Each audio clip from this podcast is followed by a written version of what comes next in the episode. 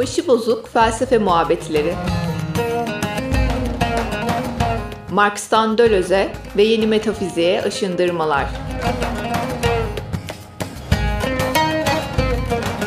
Hazırlayan ve sunan Oğuz Karayemiş.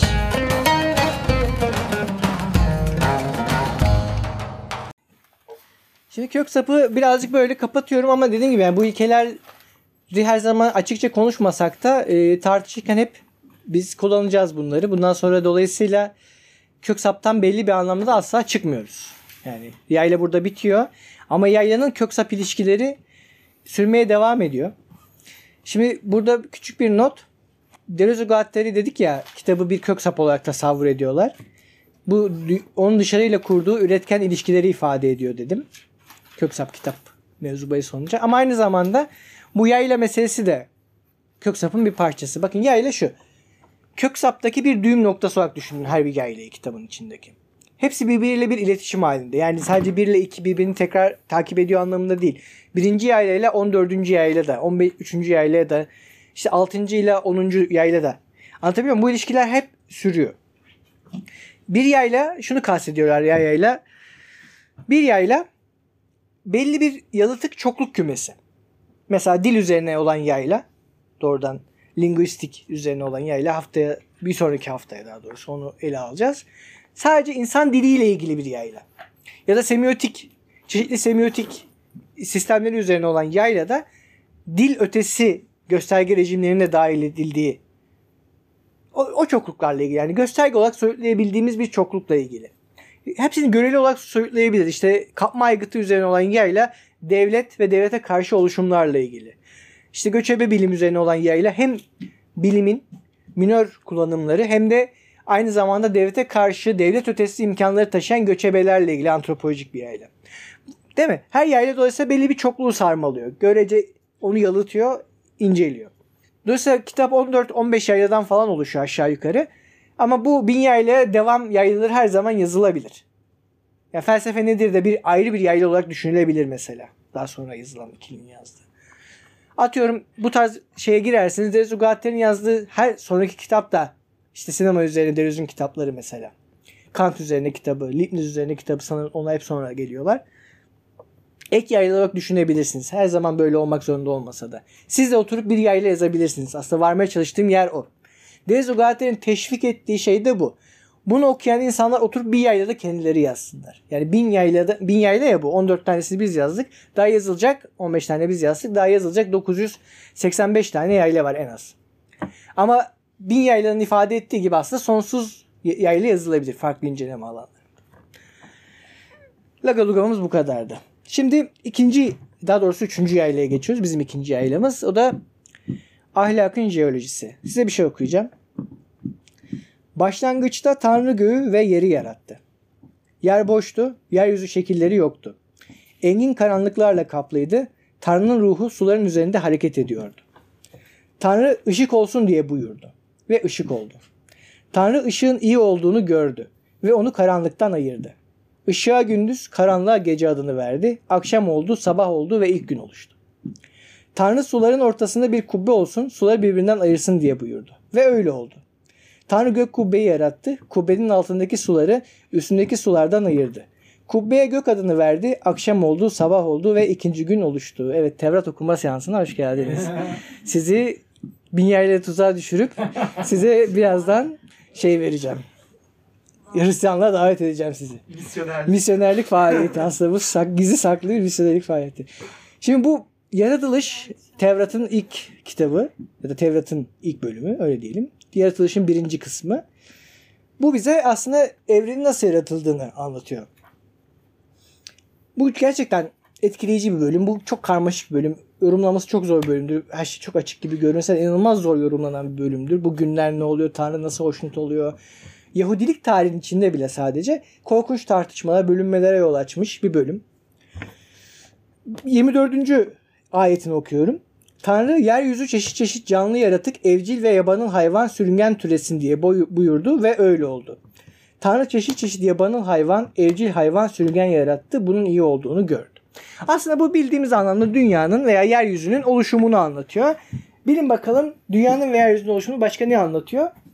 Ahlakın jeolojisi bölümü. Şimdi dolayısıyla aslında şu 1000 BC'yi görüyorsunuz. Bir, bir yerdeki yaylar tarihlerle de işaretli. Yani bir ismi var işte ahlakın jeolojisi. Bir de bir tarih ekliyor onun başına genellikle. Burada da milattan önce bir 10 bin yılı. Milattan önce 10 bin yılında ne var? Hinduizmin doğuşu var. En azından geleneksel sınıflandırmaya göre Hinduizmin doğuşu milattan önce 10 bin yılında falan vuku buluyor. Yani tek tanrı. Değil mi mesela? Ama burada arkeolojik bir gerçeklikten ziyade mistik bir belki de atıftan bahsediyoruz. Şu an çok önemli yani gerçekten 10 binde mi oldu? 10 bin değil de mi oldu? Derdimiz o değil. Bu sim- simgesel tarihin ifade ettiği şey tek tanrılı dinlerin doğuşundan itibaren aslında mitolojide de var bu da.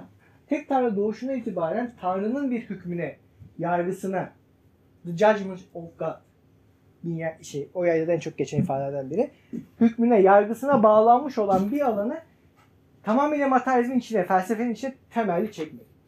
Bu daha önce yapılmadı mı diyeceksiniz. Haklı bir soru. Yani değil mi? Biz neyi biliyoruz? Mesela antik Yunan'da felsefe nasıl oluştu, nasıl doğdu? Mitolojinin alanındaki değil mi?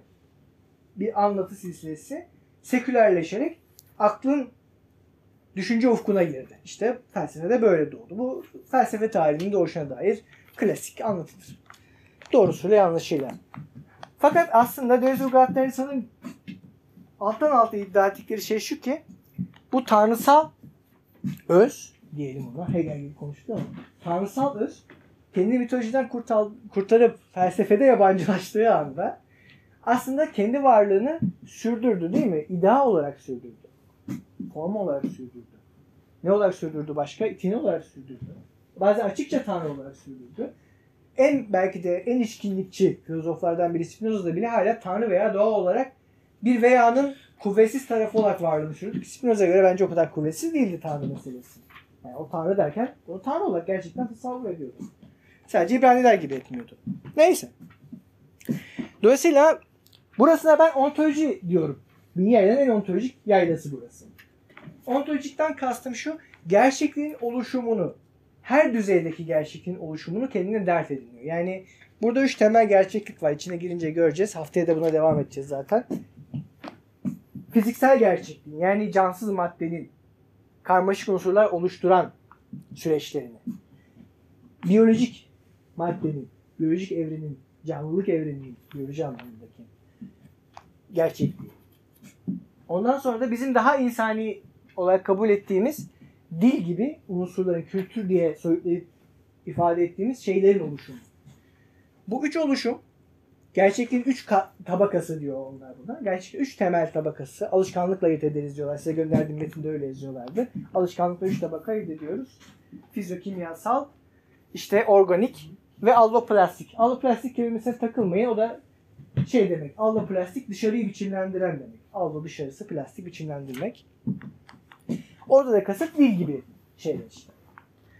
Bu şeylerin her bir oluşumunu bu yayla açıklıyor. Bu yayla aslında bir tür o yüzden bir tür genel jeoloji. Yani jeoloji terimi burada üç katman içinde kullanılabilir. Hatta size bir örnek vereyim. Bu konuda çok başarılı ve çok uzağa gitmiş bir yazar. Her şeyini çok sevmesem de her zaman. Çok güzel bir kitabı.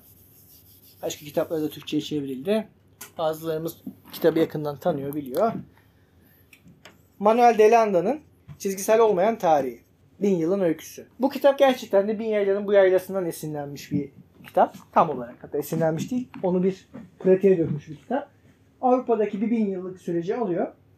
İşte e, coğrafi coğrafyanın oluşumunun tarihi, e, genetik materyallerin birikiminin tarihi ve aynı zamanda dillerin, lehçelerin, alt dillerin oluşumunun tarihi olarak inceliyor. Bunların nasıl biriktiğini, nasıl çokluklar oluşturduğunu, bütünlükler, işte nesneler oluşturduğunu neyse farklı oluşturduğunu falan inceliyor. Çok güzel bir tarih kitabı. Ve aslında şöyle de bir özelliği var. Manuel Delanda yanmışken onu da dipnot düşeyim. Bizim yeni materyalizm diye bildiğimiz şeyin de kurucu metinlerinden biri bu. Yeni materyalizm ismi neomateryalizm olarak, a neomaterialist interpretation olarak ilk defa Manuel Delanda'nın aynı isimli makalesinde beliriyor. The Geography of Geology of Morals, The Neomaterial, a Neomaterialist Interpretation. İşte ahlakın jeolojisi, yeni materyalist bir yorum. Bu yaylayı yorumluyor temelde. Dolayısıyla daha sonra işte Rosie Braidotti ya da başkalarının da dahil olacağı yeni materyalist 90'lar sonrası felsefenin de güdüleyici metinlerinden, e, temel referans çerçevelerinden biri. Yani Deleuze Guattari'nin çalışması genel olarak da öyle zaten. Şimdi burada şöyle hemen genel bir çizgi çizeyim çok hızlıca. Bunu zaten içeride daha fazla göreceğiz. Şimdi ne var bu yaylada ontolojiyi bu kadar alakadar eden? Birincisi girerken bahsettiğimiz şeyi göreceğiz burada. Ona bir süreklilik demiştik. Bir continuity. Bu neydi? Madde ve form ya da biçim arasındaki ilişkiyi aşkın iki gerçeklik arasındaki ilişki değil yani bir süreksizlik içinde değil bir süreklilik, bir maddeden forma, formun çözülerek yeni maddelere, tözlere, tözlerin bir araya gelerek yeni biçimlere. Anlatabiliyor muyum? Böyle bir aynı maddi süreçler içerisinde alımlanan bir süreklilik halinde tasavvur edilmesi var. Bunun arkasında yatan ilke tek anlamlılık diye biliniyor. Ya da tek seslilik diye de formüle de çevirebilirdik. Öyle de çevriliyor. Oni vocacity. Değil mi? Doğru yazdım. Varlığın tek anlamlı. Bu ne demek? Var olan tek tek her şey bir ve aynı anlamda vardır. Bir masada, bir sandalyede, benim düşlerimde, kedinin kendisi de, canlı veya cansız, insan veya insan olmayan her şey evrende ontolojik bakımdan, etki kapasiteleri ve etkilenme kudretleri bakımından değil. Bir ve aynı anlamda vardır. Süpernova nasıl var oluyorsa benim kabusumda o şekilde vardır. Bu şekil veya anlam ne demek? Var olmanın anlamı ne demek burada? Evrende bir şeyleri etkilemesi, bir şeylerden de etkilenmesi demek. Kendine özgü yollarla. Her kedinin etkilendiği yollarla süpernovanın dünyadan ya da gerçeklikten etkilendiği yollar birbirinden farklı. Ama hepsi de bir etkileme ve etkilenme kudretiyle veya kapasitesiyle tanımlanabilir. Var olmak bir yanıyla bu demek. Bu tek anlamlılık ilkesindense bir sonuç çıkartıyoruz. Ya da daha doğrusu bir yere sıçrıyoruz. Şimdi bu form ve maddenin birbirinden ayrılıp iki ayrı ontolojik gerçeklik olarak kabul edildiği bütün idealist ontolojiler ve felsefede bir, ta- bir tabir var. Hilomorfizm deniyor. Hilomorfizm, hile burada şey, Yunanca madde demek. Morfizm zaten biçim demek. Morf. Morf da biçim demek. Yani ne demek? Madde biçimcilik.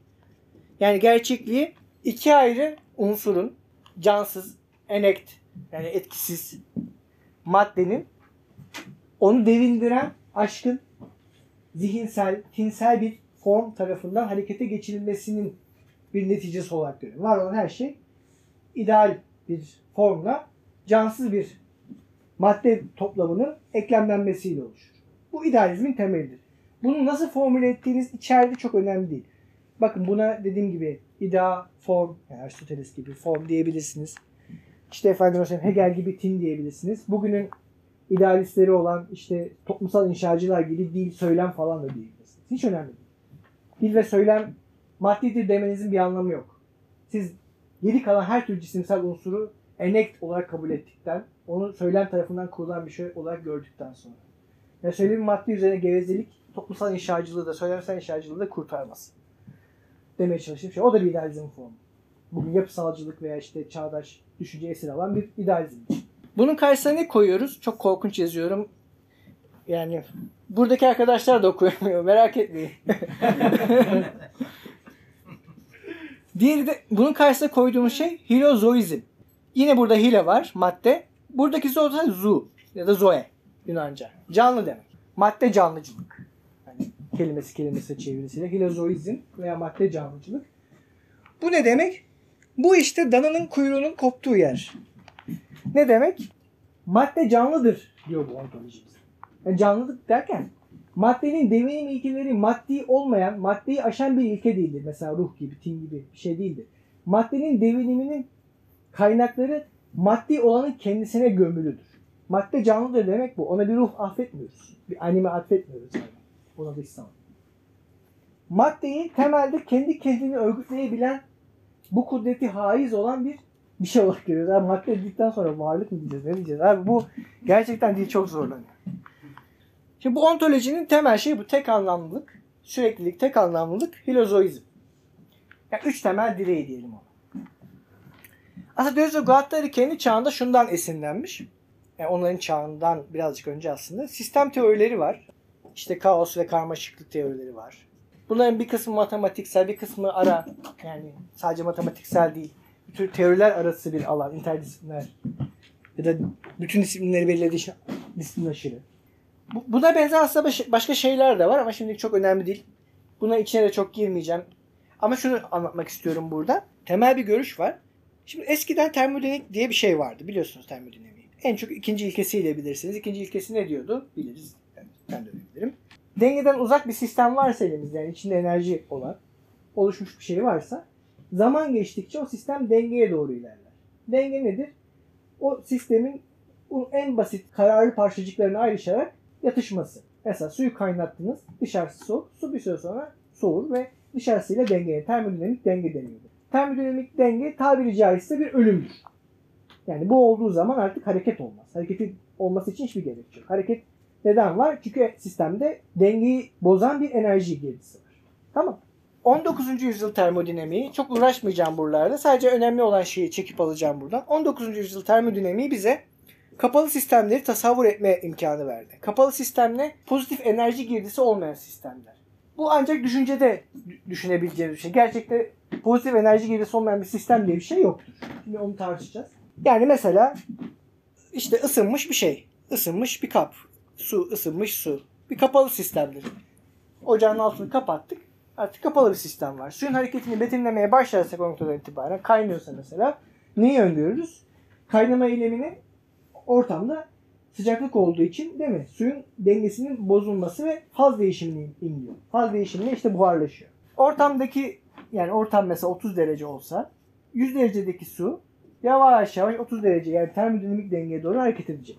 Bunun evrene yansıtırsak, projekte edersek ne olur? Evrende enerjinin korunumu kanunu veri sayıyoruz. Dolayısıyla evreni aslında biz çaktırmadan kapalı bir sistem olarak tasavvur ediyoruz. Evrenin sonu nasıl gelecek? Bilim insanlarına sorduğunuz zaman bir kısmının yanıtı bir süre sonra bu evrendeki dinamizmi veren yıldızlar tükenecek. O yıldızları doğuran süreçler tükenecek. Patlamalar, süpernova patlamaları gibi şeyler. Gezegen sistemleri de onlar üretiyor. Yavaş yavaş evrendeki her şey soğuyacak. Nazım Hikmet'in şiiri var değil mi? Dünyamız soğuyacak. Yani dünya yanarak yok olmayacak tabiri caizse. Soğukta böyle donmuş bir kar topu gibi yuvarlanacak. Yani Nazım gibi sürdürürsek. Bir kısmı gerçekten de bir kısım fizikçi, astrofizikçi evrenin son, olası sonlarından biri olarak bunu öngörüyor. Evrendeki her şey birbirinden uzaklaşıyor biliyorsunuz artan bir hızda. Bu uzaklaşma yavaş yavaş etkileşimleri azaltacak, enerji transferlerini azaltacak, her şey soğuyacak, küçücük parçalara ayrılıp bağımsızlaşacak ve bir şey kalmayacak gibi bir ebedi bir denge durumu. Bilmiyorum. Umarım öyle gelmez sonu. Bence çok üzünlü bir son. Yani bu kadar kısacık hayatımda bile oluşan karmaşa için gerçekten benim ölümümden daha hüzünlü bir şey varsa o da evrenin böyle son bulması. Patlasın çatlasın daha iyi yani. Heyecan istiyor insan biraz.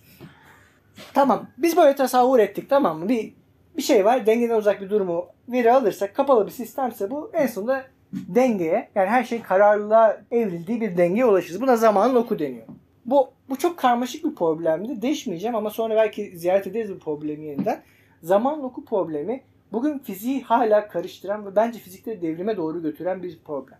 Bunu bana ben bunu hatırlarım. Ben size bunu bu konuya tekrar dönerim. Belki bu şeyi bitirdikten sonra, bu yaylayı bitirdikten sonra bu bence fizikçiler bugün çok ilginç şeyler tartışıyorlar bu konuda. Tamam bu 19. yüzyıl termodinamiği. Bu sistem teorileri, kaos ve karmaşıklık gibi şeylerse kapalı sistemler yerine açık sistemlerin tasavvur edilmesiyle. Çok yani adından da belli olduğu gibi açık bir sistem kapalı olanın tam karşıtı. Yani enerji girdisinin olduğu sistem. Mesela güneş ve yeryüzünü bir sistem olarak düşünürsek değil mi? Ya da yeryüzünü tek bir sistem olarak düşünürsek bu sistem açıktır. Neden? Çünkü güneşten sürekli enerji girdisi alıyor. Sadece güneşten almıyor ama en temelde ve yoğunlukla güneşten alıyor. Güneşten enerji girdisi aldığı zaman ne oluyor? Bizim yeryüzü dengeden uzak. Çünkü enerji girdisi var. Sistemin içindeki unsurlar mesela canlı bedenleri, canlı varlıklar enerji harcayarak dengeden uzak kararlılık kazanıyorlar. Bakın kararlılık kapalı bir sistemde neydi? Denge durumuydu. Kara- kapalı bir sistemde denge eşittir kararlılık. Ama açık bir sistemde dengeden uzak kararlılığı düşünebiliyoruz. Bu zamansal, geçici bir kararlılık. Mesela her insan bedeni değil mi? Yiyip içerek temelde yani dışarıdan enerji alarak kendi bedensel bütünlüğünü atıyorum 60-70 yıllığına korur. İşte bakın bu kararlılık. Bir sistemin kendini sürdürme, süre gitmesi daha doğrusu bir kararlılık oluşturuyor. Bu kararlılığı nasıl yapıyoruz? Dengeden uzağız biz değil mi? Hasta olduğumuz zaman dengeden nasıl uzak olduğumuzu anlarsınız. Şu an size çok dengeli geliyor olabilirsiniz. Psikolojiyi kastetmiyorum bile bakın. Burada temel daha fizyolojik bir şeyden bahsediyorum. Grip olduğunuz anda vücudunuz sarsılır. Çünkü o kadar dengeden uzaktır ki işte küçük kelebek etkisi. Yani, yani düşünün. Yeryüzünde şu an dolaşan Covid mikrobu bir çay kaşığının üzerine sığabiliyor virüsü. Bütün virüsleri herkes alıp şey yapsak çay kaşığını dolduruyor ancak. Ve şu anda yeryüzü kasıp kavuruyor. Yani kelebek etkisinin mahiyetini anlatmaya çalışıyorum. Neden bu kadar azıcık bir şey? Bu kadar kompleks, devasa bir şeyi bu kadar etkileyebiliyor, öldürecek kadar etkileyebiliyor. Yani başka bakteriler virüslerde daha da ani ölümler söz konusu. Çünkü sistem dengeden uzak. Bu ne demek? İçinde sürekli bir kendini yeniden üretme faaliyeti var değil mi? Yani kararlılığı sürdürmek için hücre yenilemesi yapıyoruz. Bakın nereye varacak. Hücre yenilemesi yapmak ne demek? Sürekli genetik kodlama yapmak demek. İçimizde DNA fabrikaları proteinler üreterek dış mahfuzumuzu, zarfımızı pardon üretiyor. İşte e, iskeletimizi yeniden üretiyor değil mi? Belli bir oranda. Senin sistemini yeniliyor, bir şeyler yapıyor. Bu yenileme faaliyeti hücre yıkımı ve hücre yaratımını gerektiriyor. Ve işte o bakteriler, o virüsler bu dengeden uzak mekanizmanın içine sızarak kendini kopyalamaya başlıyor. Kendi proteinlerini, kendi varlığını yeniden üretmeye başlıyor. Asalak gibi yani şey gibi düşünün. Birisi çalışıyor mesela bir şeyler yapıyor. Mesela çizer bir arkadaşınız var. Tamam normalde paralı çalışıyor tamam mı? Siz de onun asalak arkadaşı olarak diyorsunuz ki ya ben bir kitap basacağım ona bir kapak çizer ama para falan vermeyecek ki biraz ısmarlarım. İşte zaten hali hazırda çizerken araya sokuşturduğunuz o sizin taslak çizimi var ya. İşte virüs veya bakteri de size tam olarak bunu yapıyor. Zaten kendini kopyalayan bir hücre mekanizmasının içinde kendi DNA'sını kakırttırarak kendini yeniden üretiyor. Böylece ne oluyor? Bu sistemin içinde o şeyin çoğalması söz konusu oluyor. Sizin hücrelerinizi yıkıyor nihayetinde bu. İşte böylece dengeden tamam uzaklaşıp ölebiliyorsun. Vücut bir anda kararlılığını kaybedebiliyor. Kastettiğim şey bu. Dengeden uzak sistemler dolayısıyla dinamik sistemlerdir. Bir tür dinamizm var. Kararlılığı korumak için sürekli dinamizm gerekiyor. Oturduğunuz yerde bile bedeninizin kalori yakmasının sebebi bu. Yani kalori yakmak için hareket etmenize hiç gerek yok. Oturun, düşünmeyin bile yine kalori yakıyorsunuz. Canlı sistemler için olduğu gibi cansız sistemler için de bu geçerli. Yani bizim gezegenin temel ekosistemik döngüleri için işte karbon döngüleri, azot döngüleri değil mi? Bir kısmına canlılar da katıldığı için şu an çok cansız sistem örneği olmadı ama yine de işte yeryüzü ısınıyor, sular buharlaşıyor mesela değil mi? Su döngüsü. Tamam, su döngüsü daha iyi bir örnekmiş. Sular buharlaşıyor. Sonra soğuyor. Ya, atmosfer üst katmanlarında yağış olarak düşüyor. Cansız bir döngü bu. Ama yine güneş enerjisinin girdisi sayesinde. Dolayısıyla iklim sistemlerimizin temeli olan su döngüsü de değil mi? Dinamik, dengeden uzak bir kararlılık sergileyen bir sistem. Bunun örneklerini çoğaltabiliriz. Bakın bu çok esinleyici bir şey. Ve felsefe bunun hesabını Binyerli'ye kadar tam olarak verebilmiş değil. Binyerli bunun hesabını vermeye çalışıyor. Çünkü bundan önceki bütün felsefe eserleri kapalı sistemler mantığında düşünmeye daha çok eğilimli. Binyerli'den sonra mesela Ellen Badiou gibi başka figürler veya felsefeyle doğrudan ontolojiyle çok ilişki kurmasa da politika felsefesi, Nancy gibi figürler de aslında bu esini sürdürecekler ya da bu esinden esinlenmiş olacaklar başka bağlamlarda. Ama her halükarda bu sistem teorileri, kaos ve karmaşıklık gibi meselelerden gelen açık sistemleri tasavvur etme kabiliyeti bin yaylanın çekirdek esinidir bence. Yani başka esinler de sayabiliriz işte fizikteki daha başka değişimler işte atom altı, altı şeyler zaten moleküler molar gibi ayrımlar hep kimyadan geliyor. İşte parçacık akışları falan diyor. Demek ki o da parçacık fiziğinden esinler var. Atıflar da var bu arada bu, tarz fizikçilere. Riemann uzayları geometrisi çokluğun temel bir bileşenidir. Bu matematiksel bir teori. Var da var. Bilinen bir sürü isim var. Ama bence en çok yakalayabileceğimiz, en böyle doğrudan bizi kitabın kavrayışına yaklaştırabilecek olan şey bu. Açık sistemler. Kaos ve karmaşıklık. Kaos'tan Düzene diye bir kitap var. Türkçe'ye de çevrildi ama bence çevirisi çok kötü. Onun İngilizcesi From Chaos to Order gibi basit bir şey miydi? Hatırlıyor musun Emre? Tamam. Dert değil. Kaos'tan düzene kimin kimin diye? İlya Prigojin, İlya Prigojin. Stengers, Aha, evet. Isabel Stengers. Isabel Stein Isabel Stenger ise Deleuze'ün doğrudan öğrencisi bu arada. Yani doğrudan bir derslerini almış bir öğrencisi. Kaos'tan Düzene diye bir kitap da yazmışlar.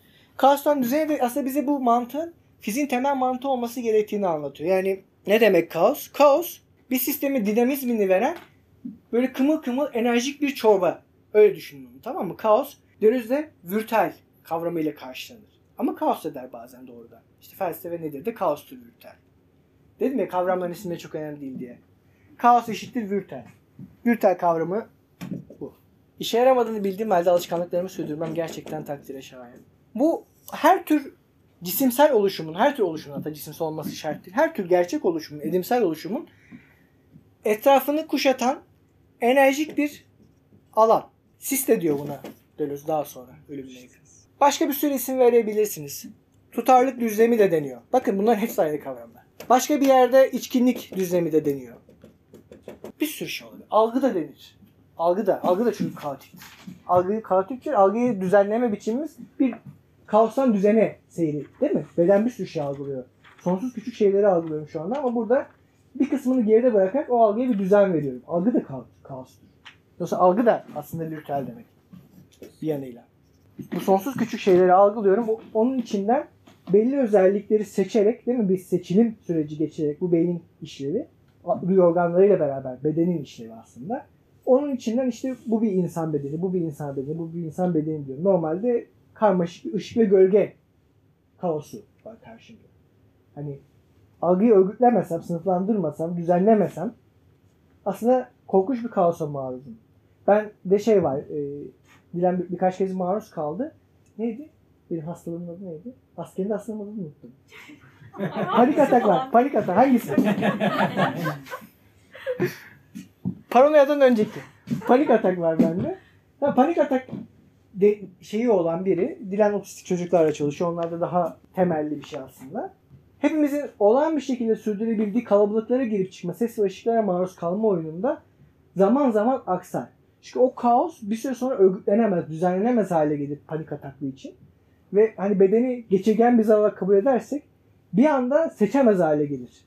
Onun içinden geçecek şeydir. Yani hepsi üstüne üstüne gelir ve bir anda kalp krizi şeyleri, semptomları, kendi içine kapanma eğilimi, geri çekilme eğilimi yaşarsınız. Otistik çocuklarda çok yoğun. Evet, epilepside de ışıktan etkilenip kriz geçirme. Aynen öyle. Dolayısıyla beden bunları düzenler ama her zaman bu konuda başarılı değil. Onu söylemeye çalışıyorum. Kaos her zaman bizim çevremizde. Bakın bir virtüel bir alan olarak orada dolaşıyor. Bu bir. İkincisi bir virtüelden yani kaostan düzene gidiyoruz. Kitabın kapağının ismini kullanarak size bakın nasıl numaralar yapıyorum. Ondan sonra bir düzene gidiyoruz ya. Bu düzen illaki o şekilde olmak zorunda değil. Sanat ne yapar? Bizim işte ben siz insan bedenleri algılıyorum işte az önce gördük o çarp, çırpık kesimde. Onu farklı şekilde de düzenleyebilir. Yani bu kaostan farklı düzenler yaratabilirim her zaman. Bunu sanat aracılığıyla yapabilirim, devrim aracılığıyla yapabilirim. O kaosu, kaosun kendisini de değiştirmeye götüren bir şekilde farklı şekillerde düzenlemek her zaman için mümkün. Daha basit bir örnek vereyim. Dünyayı benim algılamamla, benim gözümden bu ışık ve gölge oyununu algılamakla makinenin gözünden, örneğin bu kameranın gözünden algılamak aynı şey değil. Bir ara birim var ki size onu çeviriyor. Sanki siz de böyle algılardınız dermişçesine değil mi? Zoom'dan ya da işte kameradan çekilmiş bir şey izlerken önünüze anlamlı görüntüler, sizin için anlam ifade eden görüntüler götürüyor. Ama makinenin kendisi bunu şu anda sıfır ve bitlerle kodlanmış bir elektriksel alan olarak algılıyor. Elektrik alan onun için. Burada böyle şekiller mekiller yok. Birler ve sıfırların devasa bir kümesi var. Yani kodlama dillerinin yükseldiği oranda farklı farklı kodlarla karşılık geliyor ama en temelde donanım seviyesinde konuşursak birler ve sıfırlar var şu an o göz için. Sonra o burayı bizim gibi algılamıyor. Demeye çalıştığım şey kaos tam düzene geçmek tek yönlü ve tek biçimli bir şey değil. Bir sürü biçimde kaostan düzene farklı düzenlere geçilebilir. Bir ve aynı kaostan farklı düzenler tesis edilebilir.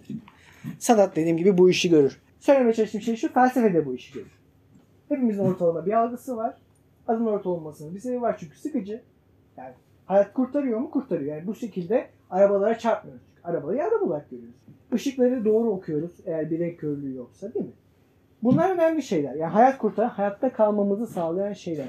Ama Nietzsche'nin de dediği gibi bunların hepsi avam şeyler. Yani ve ortalama gerçekten ortalama. Avam bunlar. Mesela sanat gördüğü zaman işte başka şeyler görüyor. O zaman yeniliğin yaratılması söz konusu oluyor. Felsefe gördüğü zaman farklı şeyler görüyor. O zaman yeni bir şeyler yaratıyor aynı algı kaosunun içerisinde. Çok üzerine durdum ama bu yayla bununla ilgili. Farklı yerlerde bir şeyler nasıl oluşur? Ve bu oluşumlar arasındaki farkları belirleyen şeyler nelerdir? Bununla ilgili. Yani her durumda ahlakın jeolojisi kaostan düzene geçmekle ilgili. Düzenin bozulması ve yeni düzenlerin oluşması ihtimaliyle ilgili dolayısıyla. Güzel. Şimdi bu bölüm bir nazire de içeriyor. Başlı itibariyle. Yine Nietzsche ile oynuyorlar. Nietzsche oyuncak etmişler kendilerine. Nietzsche şöyle bir kitap yazıyor. Türkçesi de gayet güzel bir şekilde bir sürü farklı yayın evinden çıktı. Ahlakın soy kütüğü diye çevirdik sanırım. Soy bilimi de diyorlar. Buradaki kelime genealoji, genealogi. Bu biliyorsunuz Foucault'un da çok esinlendiği bir kitap aynı zamanda. Ahlakın soy kütüğü veya jeneolojisi, şimdi kelimeler çağrışım yapsın diye. Aslında şeyin nazire nesnesi olarak kullanılıyor. Ahlakın jeolojisinin. Önce ortaklıktan bahsedeyim. Çok kabaca bahsedeceğim. Hiç anlatacak değilim size. Önemli, yani çünkü önemli değil yani. Çok. Bizi ilgilendiren kısmını anlatayım. Ahlakın soy kütüğü iyi ve kötü yargılarıyla bir şey iyidir veya kötüdür yargısıyla çok temel, basitçe belli tutum ve davranışların ilişkilendirme biçimlerinin tarihini yapıyor. Tamam mı? Soy kütük dediği şey bu.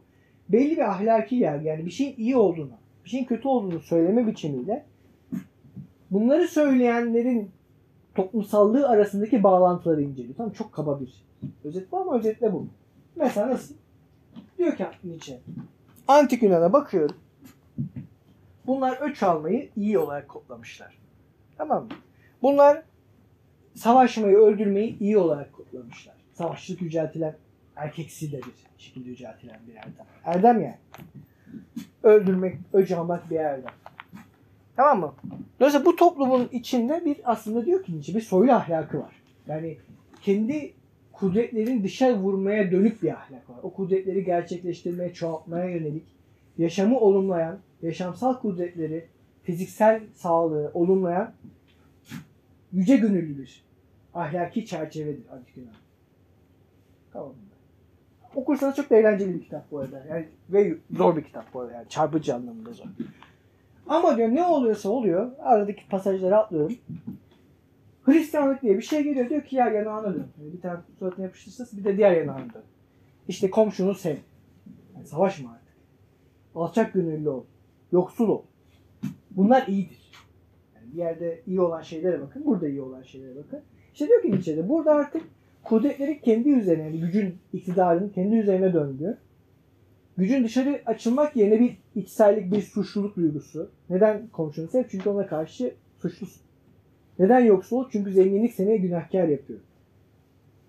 Değil mi? Bu aynı zamanda köleleri köle tutmanın da değil mi? Felsefesi ya da dünya görüşü. Dolayısıyla burada da aslında bir tür köle ahlakı var. Yani burada nasıl bir soylu ahlakı varsa Hristiyanlıktan itibaren de karşımıza bir köle ahlakı çıkıyor. Kölenin kendi kendini tatmin etmesi bir tür gönüllü kulluk rejimi aslında Hristiyanlık. Yani Nietzsche'nin kullanmadığı bir terminoloji dahil edersek oraya. Dolayısıyla bakın burada iki şey önemli. Nietzsche'nin önemsediği şey şu. Birincisi olumsallık boyutu. Ahlaki kıtalar arasındaki değişim, yani soyludan köleliğe, köleliğin farklı biçimler arasındaki değişimler falan, zorunlu ilişkiler arz etmiyor. Yani ahlaki bir öz yok. Şimdi bizim için çok önemli bir tartışma gelebilir ama o zaman çok önemli bir tartışma. Yani. Çünkü Nietzsche'nin dönemindeki ahlak teorisyenleri ahlakın kökeni üzerine düşünüyorlar. Ahlakı temellendirecek köken nerede? İşte insan davranışında mı? İnsan doğasında mı?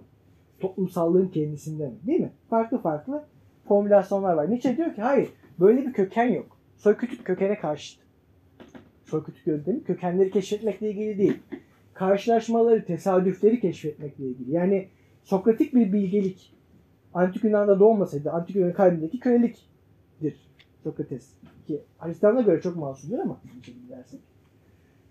Bu kölelik oluşmasa, bu köleliğin Platoncu versiyonları, Platonosçu versiyonları oluşmasa Hristiyanlık denilen İsa'cılarla Paulus'la bu felsefi gelenek tesadüf etmese Hristiyanlık da olmaz.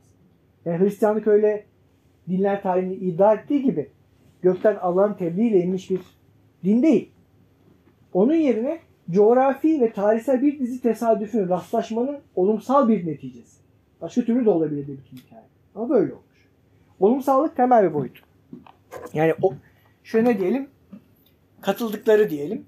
Olumsallık. Tesadüf. İşte dediğim gibi içkinlik. Kökenleri aramıyoruz. Köken düşmanlığı.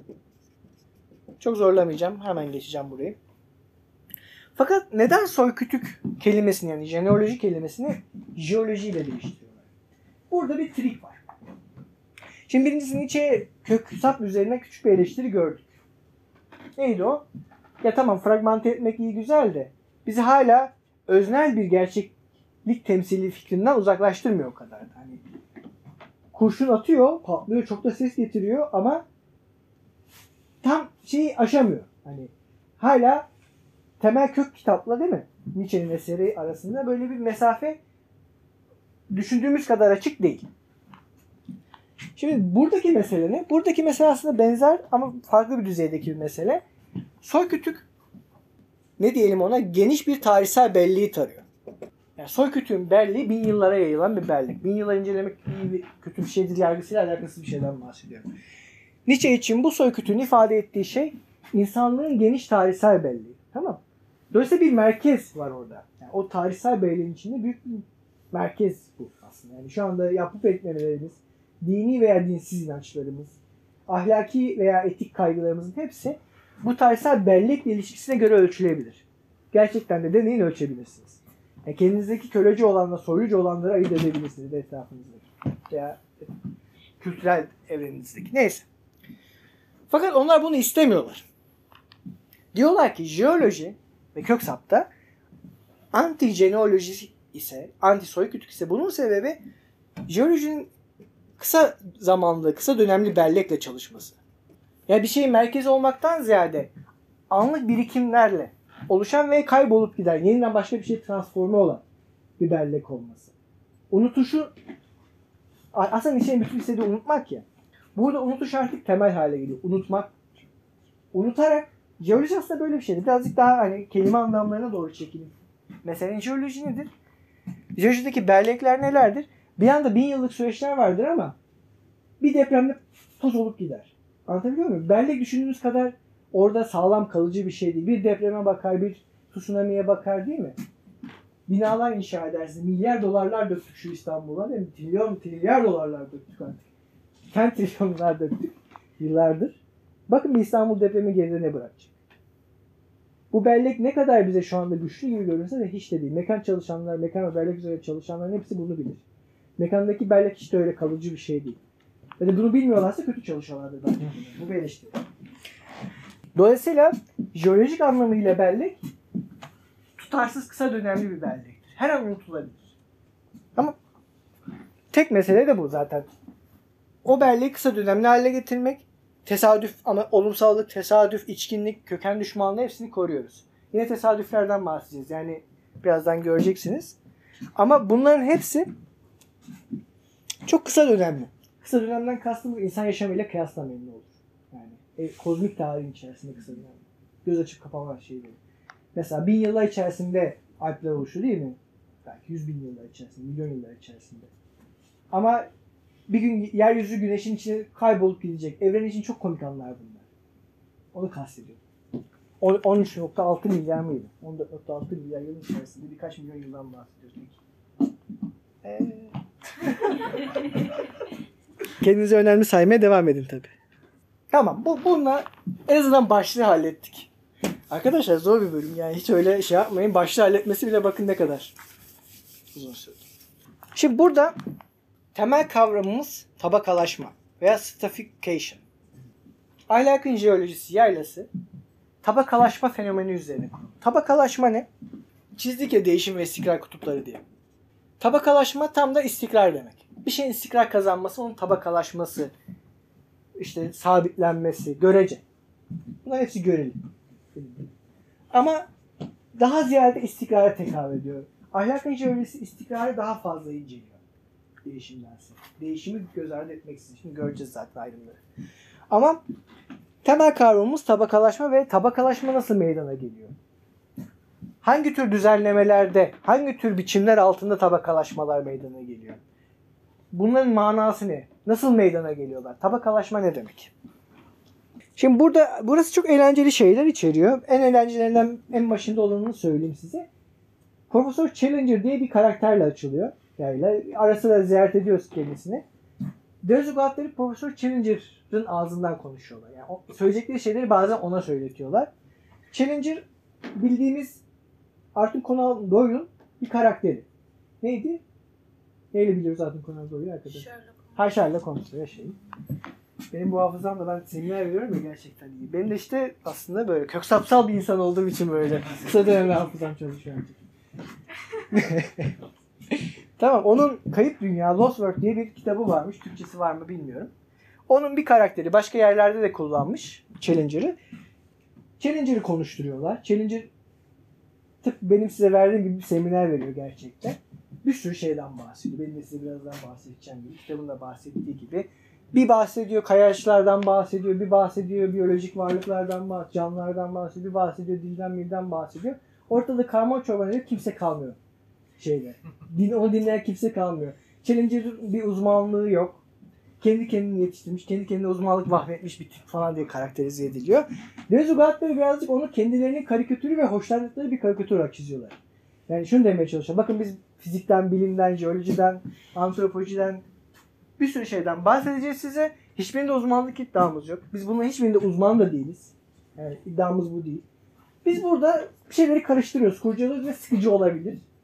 Kafanız karışabilir. Bunların hepsi doğal. Yani Challenger'la bir tür böyle bir ne diyelim özdeşleşmeleri var. Hadi öyle olsun. Şimdi orada bir kukla tiyatrosu oy- oynatıyor. Bir nokta geliyor Challenger. 19. yüzyıldan bir sürü figür çağırıyor ama ben ikisini öne çıkaracağım. Bunlar bizim iki kutbumuz oluyor aynı zamanda. Geoffrey, Geoffroy, Saint Hilaire. Diğeri de George Cuvier. İsimleri çok önemli. Yerliğe bakarsanız bulursunuz zaten. Tefsir ettikleri şey önemli. Cuvier diyor ki herhangi bir nesnede istikrar önceden var olur. Yani nesnenin kendisinden önceden bir istikrar vardır. Önceden bir form, aşkın bir ideal gibi. Ve her bir türün, yani burada canlı türlerinden bahsediyor, bir biyolog kendisi. Her bir türün bireyi, bireysel üyesi bu önceden var olan istikrar, harmoni de diyebiliriz, hiç fark etmez. İstikrar tarafından biçimlendirilir. Dolayısıyla biçimlerin kendisi ebedi türlere tekabül eder. Türleşmenin içerisindeki bireylerse bu ebedi özler tarafından biçimlendirilen geçici varlıklardır. Yani burası ne kutbu? İdealist kutup diyelim bunu tamam mı? Cuvier tam tersini savunuyor. Cuvier de diyor ki pardon bunu ya ben niye böyle yaptım ya ters anlattım. Özür dilerim. İdealizm kutbunun adı Cuvier. Dezugatların yakın olduğu Geoffrey kutbu ise temelde şunu söylüyor. İstikrarın kendisi bir takım üretken ya da genetik, generik süreçlerin neticesi olmak zorunda ve ayrıca da gelip geçicidir. Tıpkı bireysel üyeleri gibi. Bir türün bireysel üyeleri nasıl geçip geçiciyse, gelip geçiciyse türün kendisi de tesadüfi, olumsal değil mi? Ve gelip geçicidir. Dolayısıyla burası da materyalizm kutbu diyelim şimdilik. Ya da içkinlik kutbu. Buna da aşkınlık kutbu da diyebiliriz. Ya bakın her yerde süreklilik, burada süreksizlik ve süreklilik arasındaki kavgaya tanıklık ediyoruz. Süreklilik ve süreksizlik. Bu temel bir tema. Hep form ve madde arasındaki bağlantı, geçiş. Onlar birbirinden ayrı ontolojik gerçeklikler mi yoksa birbirinin neticesi olan, birbirini sürekli yer değiştiren oluşumlar aynı dünyanın içkinliği içinde mi tasavvur edilmesi gereken şeyler mi? Şimdi diyorlar ki işte bu tiyatronun hemen sonrasında sanırım öncesinde de olabilir. Diyor ki yeryüzü bu yersiz yursuzlaştırılmış kavramlara bakacağız. Devasa büyük molekül bir bedensiz organ. Organsız beden. Üf, Organsız bedendir. Ne demek? Organsız beden şu demek. Az önce bizim kaos dediğimiz şeyle organsız beden özdeş arkadaşlar. Aynı kavram. Böyle açıklayınca ne kadar rahat oluyor değil mi? Organsız bedenlerin önüne insan kafasını şey yapıyor. Organsız beden kaos demek. Bir şey demek değil. Adının bu kadar şey olmasını böyle tuhaf tuhaf olmasını önemsemeyin. Organsız beden biçimsiz madde kaos.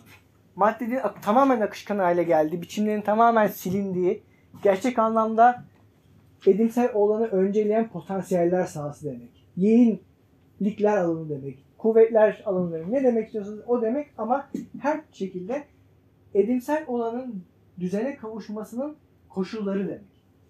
Edimsel olan her şey belirli bir kaostan oluşur. Belirli bir kaosun içinden doğar. Tamam. Vürtel. Bunların hepsi aynı şey. Vürtel. Bakın organsız beden, vürtel. Tutarlık düzlemi. Dediğim gibi bu kavramlar aynı kavramlar. Düzeylere görece farklı. Aynı isim, aynı kavram için farklı isimler. Şimdi bizim burada zamanımız da daralırken İkili eklemlerden hafifçe bahsedeyim. Şu haftaya da devam edeceğiz zaten. Bu arada bu 40 sayfalık bir yayla. Çok kısa bir yayla aşağı yukarı değil mi? Emre 40 sayfaydı değil mi aşağı? Evet aşağı yukarı. Yani bir yerlerin içindeki en kısa yayla ama en fazla vaktimizi çalacak yayla olmasının bir sebebi var o da bu. Diyor ki ondan sonra var olan her şey her zaman için ikilidir. Double'dır yani. Her şey ikilidir. Buradaki ikili double. Başka bir şey değil. Canınızı çektirecek kadar bahsedeceğim bundan. Haftaya bu neydi diye koşa koşa öğrenmeye geldiniz. Şimdi bakın şu lobster'ı görüyorsunuz değil mi? Yani ıstakoz. Şimdi diyor ki Tanrı bir ıstakozdur. Ya bence bir yerlerin en jenerik ifadelerinden biri. Tanrı bir ıstakozdur. Şimdi o gittik ya bindeyiz milattan önce 10 bin yılına gittik. Hinduizmin Yahudilikten, yaratılıştan bahsettik. Şimdi Tanrı kelimesiyle burada Spinoza gibi oyun oynuyoruz. Yani bu daha ateist bir Spinoza şüphesiz. Daha komik bir Spinoza. Tanrı veya doğa dermiş gibi biz de Tanrı veya ıstakoz diyoruz. İkili kıskaç. İkili kıskaç ne? Haftaya değişeceğim bu konuyu. Ağzının suyu aksın sadece şimdilik. Şimdi dedi ki her şeyin arkasında bir virtüellite var. Virtüellik var, kaos var. Şimdi her şeyin bir şeyin oluşumu artık her şey demeyeyim de bir şeyin oluşumu Dözügatlere göre her tür düzeyde şöyle işliyor. Kaostan bel, kaostan yani kaos neydi? Biçim almamış maddelerin akışı. Tamam mı? Parçacık akışı falan da diyorlar. Particle flux. Şimdi bu kaostan bir şeyler seçilmeli. Bir seçilim süreci var. Bir birikim, bir tortullaşma, seçilim, birikim, tortullaşma. Yani birileri seçmiyor bu arada. Yani. Verdikleri örneği hemen vereyim. Mesela nehir akmakta olduğu yatağının etrafındaki işte lav kayaçlarından, ma- ma- magmatik kayaçlardan parçalar kopartıyor. Bakın orada o parçalar kaosa dahil oluyor artık değil mi? Bir akışkanlık kazanıyor. Artık daha önceden sahip oldukları biçimlere sahip değiller. Akıp gitmekte olan değil mi? Parçacık akışları hepsi. Nehrin içinde akıp gidiyorlar. Seçilim ne burada? Seçilim burada yer çekimi. Yani yer çekimi kuvveti parçacıkları belli aralıktaki kütleler halinde biriktiriyor yavaş yavaş aşağıda. Dolayısıyla bir şeyler seçiliyor. Seçilen şeyler bu kütlelerine göre seçildikleri için üst üste birikerek bir tür tortu oluşturuyorlar. Nehrin yatağında. Nehrin yatağının dibinde. Tortu. Yani tort akan o mag- magmatik materyalden, maddelerden tortulanmış biçimde tözler oluşuyor. Töz, tortu burada. Töz ne biçim alıyorlar yani. Kendi kütlelerine göre, yer çekiminden etkilenme derecelerine göre nehir yatağının altında birikiyorlar. Belli bir biçim alıyorlar. Göreli bir biçim. Bu birinci eklemlenme. Virtüel maddeden biçim almış tözlere giden. Tamam mı? Haftaya değişeceğimiz için çok hızlı geçiyorum. Bu birinci eklemlenme. Buna içerik diyorlar. Nereden geldiğini göreceğim. Ya da söyleyeyim Yamuslev diye bir dil bilinciden geliyor. O da heretik bir dil bilinci. Bu birinci eklemlenme. Yani şeyin bizim ıstakoz tanrının ilk kıskacı bu. Virtüelden bir şeyler seçen bir süreç. Bir şeyleri seçip onu belli bir şekilde örgütleyen, belli bir istatistiksel düzen kazanmasını sağlayan bir süreç.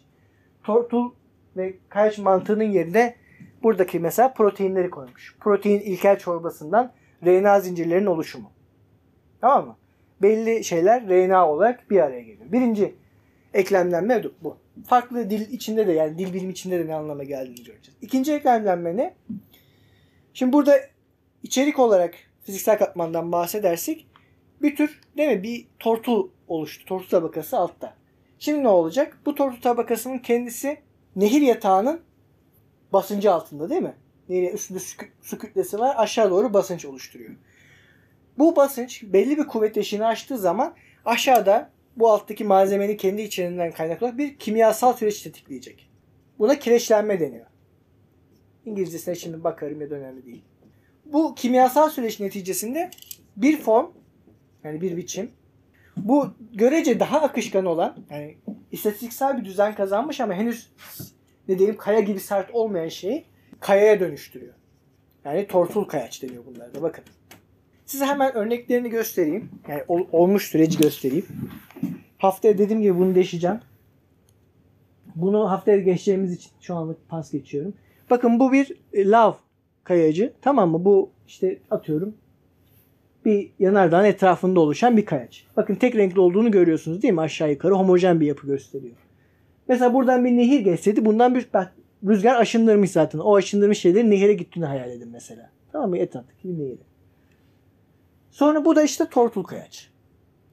O malzemenin farklı ağırlık kazanmış unsurlarının farklı kat- tabaka katmanlar halinde birikerek bir tortul kayaç tabakası oluşturduğunu görüyoruz. Bunların her- her bir layer kat, katman farklı ağırlıktaki parçacıklara tekabül ediyor. Yani o bahsettiğim ikinci kıskaç da bu. İkinci kıskaç da eklendiği zaman birikip sıkıştığı zaman böyle bir kayaç elde ediyoruz. İkili kıskaç bu. Bir anda içerik var. İçeriğin maddeleri ayıklanıyor, seçiliyor. Onlara belli bir istatistiki düzen dahilinde bir biçim kazandırılıyor. Bu birinci kıskaç içerik oluşuyor. Sonra bu içerik üzerinde farklı kuvvetler çalışarak onu daha sabit, daha istikrarlı bir nesneye dönüştürüyor. Böylece elimizde tortul kaya oluşuyor. Tortul kayaç oluşuyor. Bu da ikinci kıskaç veya ifade. Bu kadar bu haftalık. Yani ta- tadı damağınızda kalsın haftaya sürecin orta terimlerine. İşte bu tabaka, alt tabaka, yüzey tabaka, işte ne dersek üst tabaka mı, alt tabaka. Bir sürü alt terimi var. Haftaya bunu deşeceğiz. Var mı bir sorunuz kapatmadan önce ya da kafanıza takılan eklemek istediğiniz bir şey? Zaman daraldığı için biraz koşmuş olabiliriz. Ama bence bu dönemeç en zor ve en keyifli dönemeç aynı anda. Çünkü bu bir kere anlaşıldığı zaman Binya'nın kilidi çözülmüş gibi oluyor büyük oranda. Her yerde bu ikili kıskaçları göreceğiz. Eklemlenmenin iki biçimini, ifade ve içeren eklemlenme tarzlarının nasıl da biyolojik olandan işte dil bilimsel olana geçişi sağladığını, bu biçimler arasındaki farklılaşmaların varlıklar arasındaki farklılaşmaları nasıl sağladığını göreceğiz. O yüzden hani acele etmeyin. Bence 40 sayfadır gerçekten de okuyabilirsiniz kendinizde. Haftaya bu bunun ara terimlerini deşerek, bu ara terimlerin birbiriyle eklemlenme biçimlerini deşerek dünyanın en büyük terminolojik yeniliklerini aslında bir felsefeye getirdiği yenilikleri görmüş olacağız. O zaman soru yok galiba değil mi Zoom'da da? Herkes tatmin mi? Herkes bir iyi hissediyor mu kendini? Yani ne güzel felsefe düşünce falan derken şimdi kıskaçlar, ıstakozlar, tanrılar niye böyle şeyler konuştuk demiyorsunuz değil mi? Tamam o halde. Çok teşekkür ederim katıldığınız için.